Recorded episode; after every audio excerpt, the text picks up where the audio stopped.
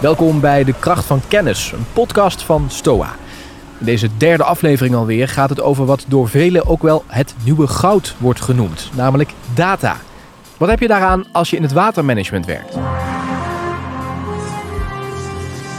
Goedemiddag. In Meersen in Zuid-Limburg is een dijk doorgebroken. De hoogte van het water werd tijdens de meest recente overstromingen in Limburg nog met pen en papier gemeten, dus handmatig. Eh, Is het hoogste punt al bereikt? Men is er toch niet helemaal gerust op. Hier verderop is een eh, dijk verzadigd geraakt met het water. Dat meten met pen en papier laat zien dat er bij de waterschappen wat betreft digitalisering nog wel wat te verbeteren valt. Er is heel veel data.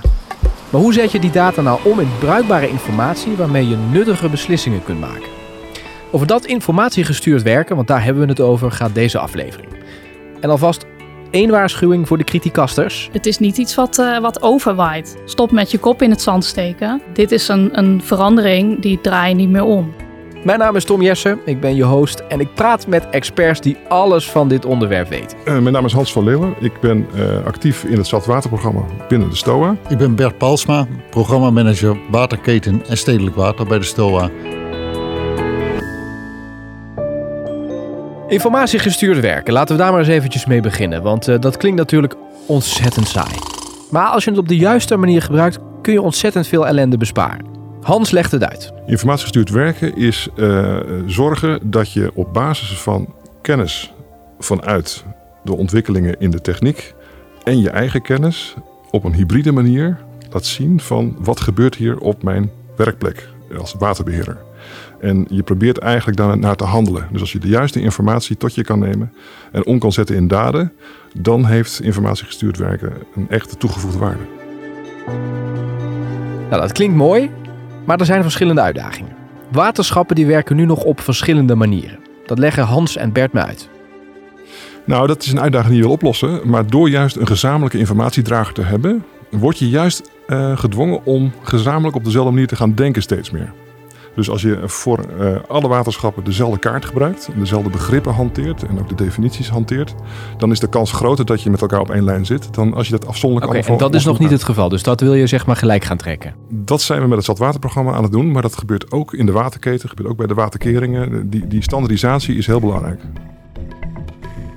Met een klein beetje eh, doorkijkje krijg je, gaat er meer tijd en meer kwaliteit zitten in, in de echte kennis en de wijsheid. In plaats van eh, getallen, kaartlagen enzovoort op een rijtje krijgen. Je, hebt, je, je hoeft geen tijd meer te besteden aan die informatie op een rijtje te zetten. Die, is, eh, die, die ligt voor je klaar. En je kunt dus juist eh, de kwaliteit in, en, en, en je tijd en je moeite stoppen in waar het echt om gaat. De echte interpretatie. En waar je vroeger eh, wekenlang bezig was om Excel-tabellen te vullen eh, en van het ene bestand naar het andere bestand over te zetten. Die fase sla je over. Ja, het is dus belangrijk dat die waterschappen meer op dezelfde manier gaan werken.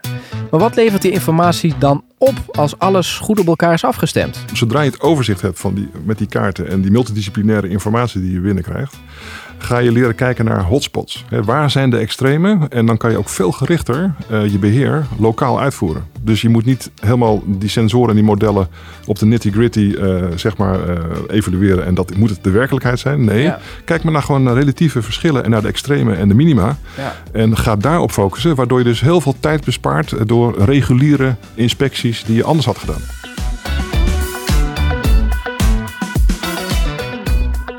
Zijn gisterenmiddag geëvacueerd. Hebben we zelf besloten met een aantal buren. Zijn over de schoolmuur eh, gegaan en naar boven, maar door de voordeur komt niet. Het stond hier tot aan de vensterbank eh, vol met water. Oké, we weten nu wat informatiegestuurd werken inhoudt. Dan nu de volgende vraag. Hoe krijg je iedereen zover dat ze ook op deze manier gaan werken? Mijn volgende gast, die weet daar alles van. Ik ben Lisette van Beuskom. Ik werk bij Royal Haskoning DHV. En ik hou me bezig met het aanjagen van datagedreven werken en digitale transformatie bij de waterschappen. Ja, en dat doet Lisette onder meer met Deep. Dat is een eh, leerprogramma voor waterschappen. En wij leiden eigenlijk ehm, eh, professionals op als data scientist of engineer eh, om aan de slag te gaan in de sector. En zo helpen we waterschappen om zelf technische kennis eh, op te bouwen. Ja, je zegt technische kennis, die hebben ze dus nu nog niet, of onvoldoende. De technologie gaat ontzettend snel. Uh, en daar heb je um, ja, ook weer nieuwe vaardigheden, nieuwe tools, nieuwe technologieën voor nodig. Noem eens iets. Uh, nou, denk bijvoorbeeld aan de transitie naar de cloud. Uh, machine learning technieken, artificial intelligence. Ja, die professional bij het waterschap die wordt dus uitgerust met de nieuwste snufjes, de nieuwste technologie. Charlie, energize. The entire system's inhibited. The way it is now, we couldn't beam up a fly. Dan zitten er bij die eh, waterschappen volgens mij best wel wat eigenwijze types. En die denken misschien wel dat dit allemaal zal overwaaien, dat het eventjes een opleving is. Maar die mensen hebben pech. Ja, omdat we ons nu ook niet meer kunnen voorstellen dat je geen internet hebt. Dat is zo ingebed in ons dagelijks leven. Ik, ik, zou, ik denk als ik op vakantie ben en ik krijg een, eh, een fysieke kaart, dan, dan eh, kost het mij serieus moeite om die kaart te lezen. Het is veel makkelijker om op Google Maps even iets op te zoeken. Ja, als je dat kun je dus vertalen naar deze sector, daar geldt dat straks ook zo. Dat denk ik wel. We kunnen dan niet meer terug. Dus onze volledige processen zijn er zo op ingericht dat ze minder tijd kosten, dat we daarin uh, gefaciliteerd worden door technologie. De vraag is natuurlijk, wat kun je nou met al die technische kennis? Ja, heel veel. Um, uh, veelal uh, zit het op het, uh, het automatiseren van werkzaamheden die op dit moment veel tijd ook kosten. Zoals? Um, het bijhouden van administraties, het signaleren van vreemd gedrag waar een expert naar moet kijken, um, het op orde krijgen van kaartmateriaal. Eigenlijk het geautomatiseerd analyseren van die groeiende behoefte aan data, zodat je er wat mee kan. Het goede nieuws is dat er al op deze manier wordt gewerkt. Er zijn dus concrete voorbeelden. Het materialenpaspoort bijvoorbeeld. Mooi dat je die eruit haalt. Dat is een project voor uh, waterschap Drents Overijsselse Delta. Daar uh, hebben ze redelijk ambitieuze doelstellingen met betrekking tot circulariteit. dus alle assets die je nu vandaag de dag neerzet, daar zit veel materiaal in wat je over 20, 30, 40 jaar wil hergebruiken. Maar dan moet je wel weten wat erin zit. En dat betekent dat je dat nu al op een manier moet gaan vastleggen dat je er over zo'n lange tijd ook iets mee kan. Mhm. Nou, dat is best wel lastig, want de ontwikkelingen gaan heel snel. Uh, en dat proces, daarover nadenken, dat is een, uh, een project wat op dit moment nog loopt overigens. STOA heeft 15 jaar geleden droogweer afvoer systematiek ontwikkeld. Dat was old school, uh, met, met, met een papiertje en een rapportje. En daar maken we nu een, uh, de next step mee. En uh, daar is Lisette bij betrokken. Hè. Daar wordt er gekeken, oké, met, met slimmer omgaan met die data, sneller werken, betere kwaliteit, kunnen we die volgende slag maken. Ja, klopt. Dat is ook een mooi voorbeeld waarin je ziet dat die samenwerking echt leidt tot uh, versnelling ook op dit, op dit gebied. Zoals Bert al aangeeft, is het heel belangrijk om te weten hoeveel water komt er nou binnen op de zuivering en wat, wat kan ik verwachten, ook om die keten meer aan elkaar te verbinden. Uh, dat is voorheen iets wat um, in een uh, Excel-sheet en met veel handmatige stappen gebeurde. En, en ook uh, per waterschap eigenlijk. En op dit moment pakken we dat landelijk aan met STOA en het waterschapshuis en verschillende waterschappen. Om daar een uniforme, geautomatiseerde tool van te maken. En het mooie is dat dit vliegwiel is op gang gebracht door Diep. Doordat je als waterschappen samen gaat werken aan het ontwikkelen van die kennis. Hoe intensief is dat traject? Want het is eigenlijk, je gaat iets totaal nieuws eigenlijk leren. Of is dat niet zo? Ja, als, als deelnemer uh, ga je iets uh, totaal nieuws uh, leren. veelal zijn dat overigens mensen die al ehm, gestudeerd hebben voor bijvoorbeeld ehm, artificial intelligence aan een universiteit. Dus die leren ook vooral hoe pas ik die kennis nou toe in de context van een waterschap. En als organisatie leer je ervan wat heb ik er nou voor nodig om zo iemand goed te laten landen in mijn organisatie. Mm. En wat voor ja, context functioneert een data scientist of data engineer goed in.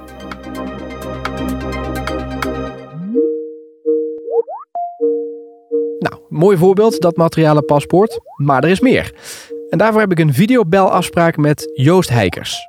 Ik ben hydroloog bij de Stichtse Rijnlanden, alweer 22 eh, jaar. En een van mijn, uh, ik zou haast willen zeggen, beroepsmatige hobby's is uh, de inzet van satellieten binnen het waterbeheer.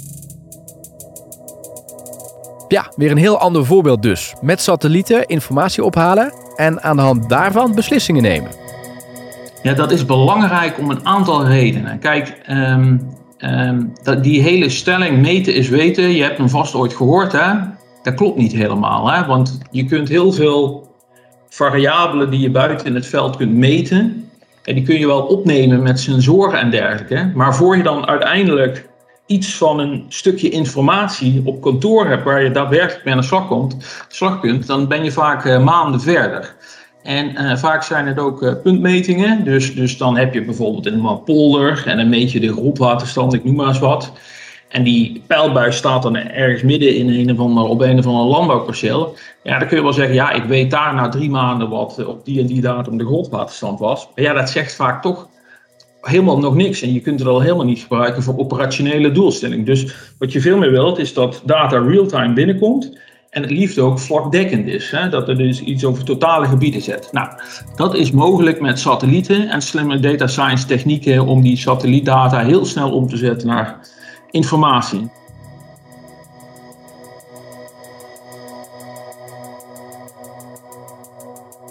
Ja, om te kijken wat er allemaal kan met die satellieten zijn er lokale pilots. En wat ik te gek vind is dat als zo'n pilot slaagt, iedereen natuurlijk enthousiast is en het ook op andere plekken wordt geïntegreerd. Ja, er zijn er legio te noemen, maar dan noem ik toch een van mijn persoonlijke favorieten. Ehm, ik weet nog dat ik ooit lang geleden, in 2013 als ik het goed heb, in oktober naar de Waddeneilanden reed en een collega belt me op. Hij zegt van joh, ik zit hier naar grondwaterstandsmetingen te kijken die online binnenkomen op ons kantoor. En ik zie, kijk naar de weersverwachting, het gaat gewoon knetterhard regenen. Maar als ik kijk naar wat, hoeveel water er in de bodem zit, dan denk ik de grond kan die, eh, kan die hoeveelheid neerslag heel goed hebben. Dus ik ga helemaal niks doen. Ik ga gewoon afwachten wat die, uh, wat bui doet. Ik verwacht dat die gewoon geborgen kan worden. Nou, uh, hij deed dat wel. Andere collega's deden dat niet, hè, want die volgden meer de standaard protocollen waar voor de rest niks mis mee is. Ja, dat kostte wel even extra energie om die gemalen aan te zetten, om de boezem weer leeg te krijgen, et cetera. Nou, een weekje daarna kwam ik terug van de Wadden. Zegt hij van jeetje joh, zo'n systeem wil ik eigenlijk in elke polder. Kun jij eens uitrekenen hoeveel ons dat gaat kosten? Ik zeg nou, dat ik, en ik me uit om een schatting van even uit mijn hoofd een half miljoen. Ik zeg, dat wordt nogal wat om dat uh, aan te vragen. Uh, zei hij van, kun je niks anders slims bedenken? En toen ben ik gaan denken van, joh, zou dit niet met satellieten kunnen? Nou, uiteindelijk heeft dat traject dat in 2013 is gestort, uiteindelijk geleid tot Oasis. Hans heeft daar ook na, samen met mij een enorme bijdrage aan geleverd. De ESA ook, de STOA ook, uh, Hydrologic, een adviesbureau dat het heeft gebouwd ook. Maar dat is uiteindelijk geen systeem voor Stichtse Rijnlanden geworden. Dat is een systeem waar heel Nederland gebruik van kan maken. Bijvoorbeeld in die ontzettend droge zomer van 2018, hè, die kun je denk ik nog wel herinneren, Tom. Toen, uh, ja, weet je wel, de grondwaterstanden waren enorm ver weggezakt. En uiteindelijk hebben we gewoon al onze pijlen op, op gehouden. Primair op basis van die OASIS-uitkomsten.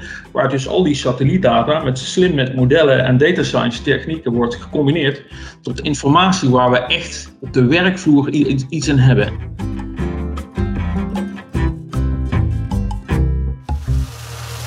Nou, mijn bedrijf ligt hier, uh, ligt hier achter. En uh, dat dreigt over te lopen. Ja. Dus nu uh, heb ik drie vrienden opgetrommeld om dat dicht te maken. Het zandzakken zoals jullie zien. Ja. En uh, ja, nu zijn we de buren aan het helpen. Zijn wat oudere mensen, dus waar we helpen kunnen doen we dat.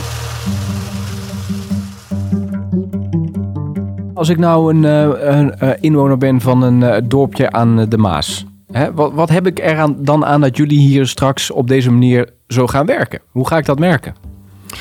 Nou, je hebt bijvoorbeeld, het is heel interessant, uh, je hebt een app die heet Overstromik. Dan vul je je postcode in. Dat kan voor heel Nederland. En dan weet je van hoeveel water er potentieel bij een overstroming uh, in jouw huis zou kunnen staan. Volgens mijn informatie op dit moment is de piek geweest. Uh, maar dat is nog altijd even de vraag, want in Duitsland uh, zijn ze de stuwen aan het uh, laten zakken. En dan is het even de vraag, van, ja, wat gaat daar nog van komen? Er komen straks apps waar ook de burger, het is, het, we, streven naar open data. Want het is ook door de belastingbetaler betaald wat we hier aan het doen zijn. Dus dat is in principe voor iedereen beschikbaar.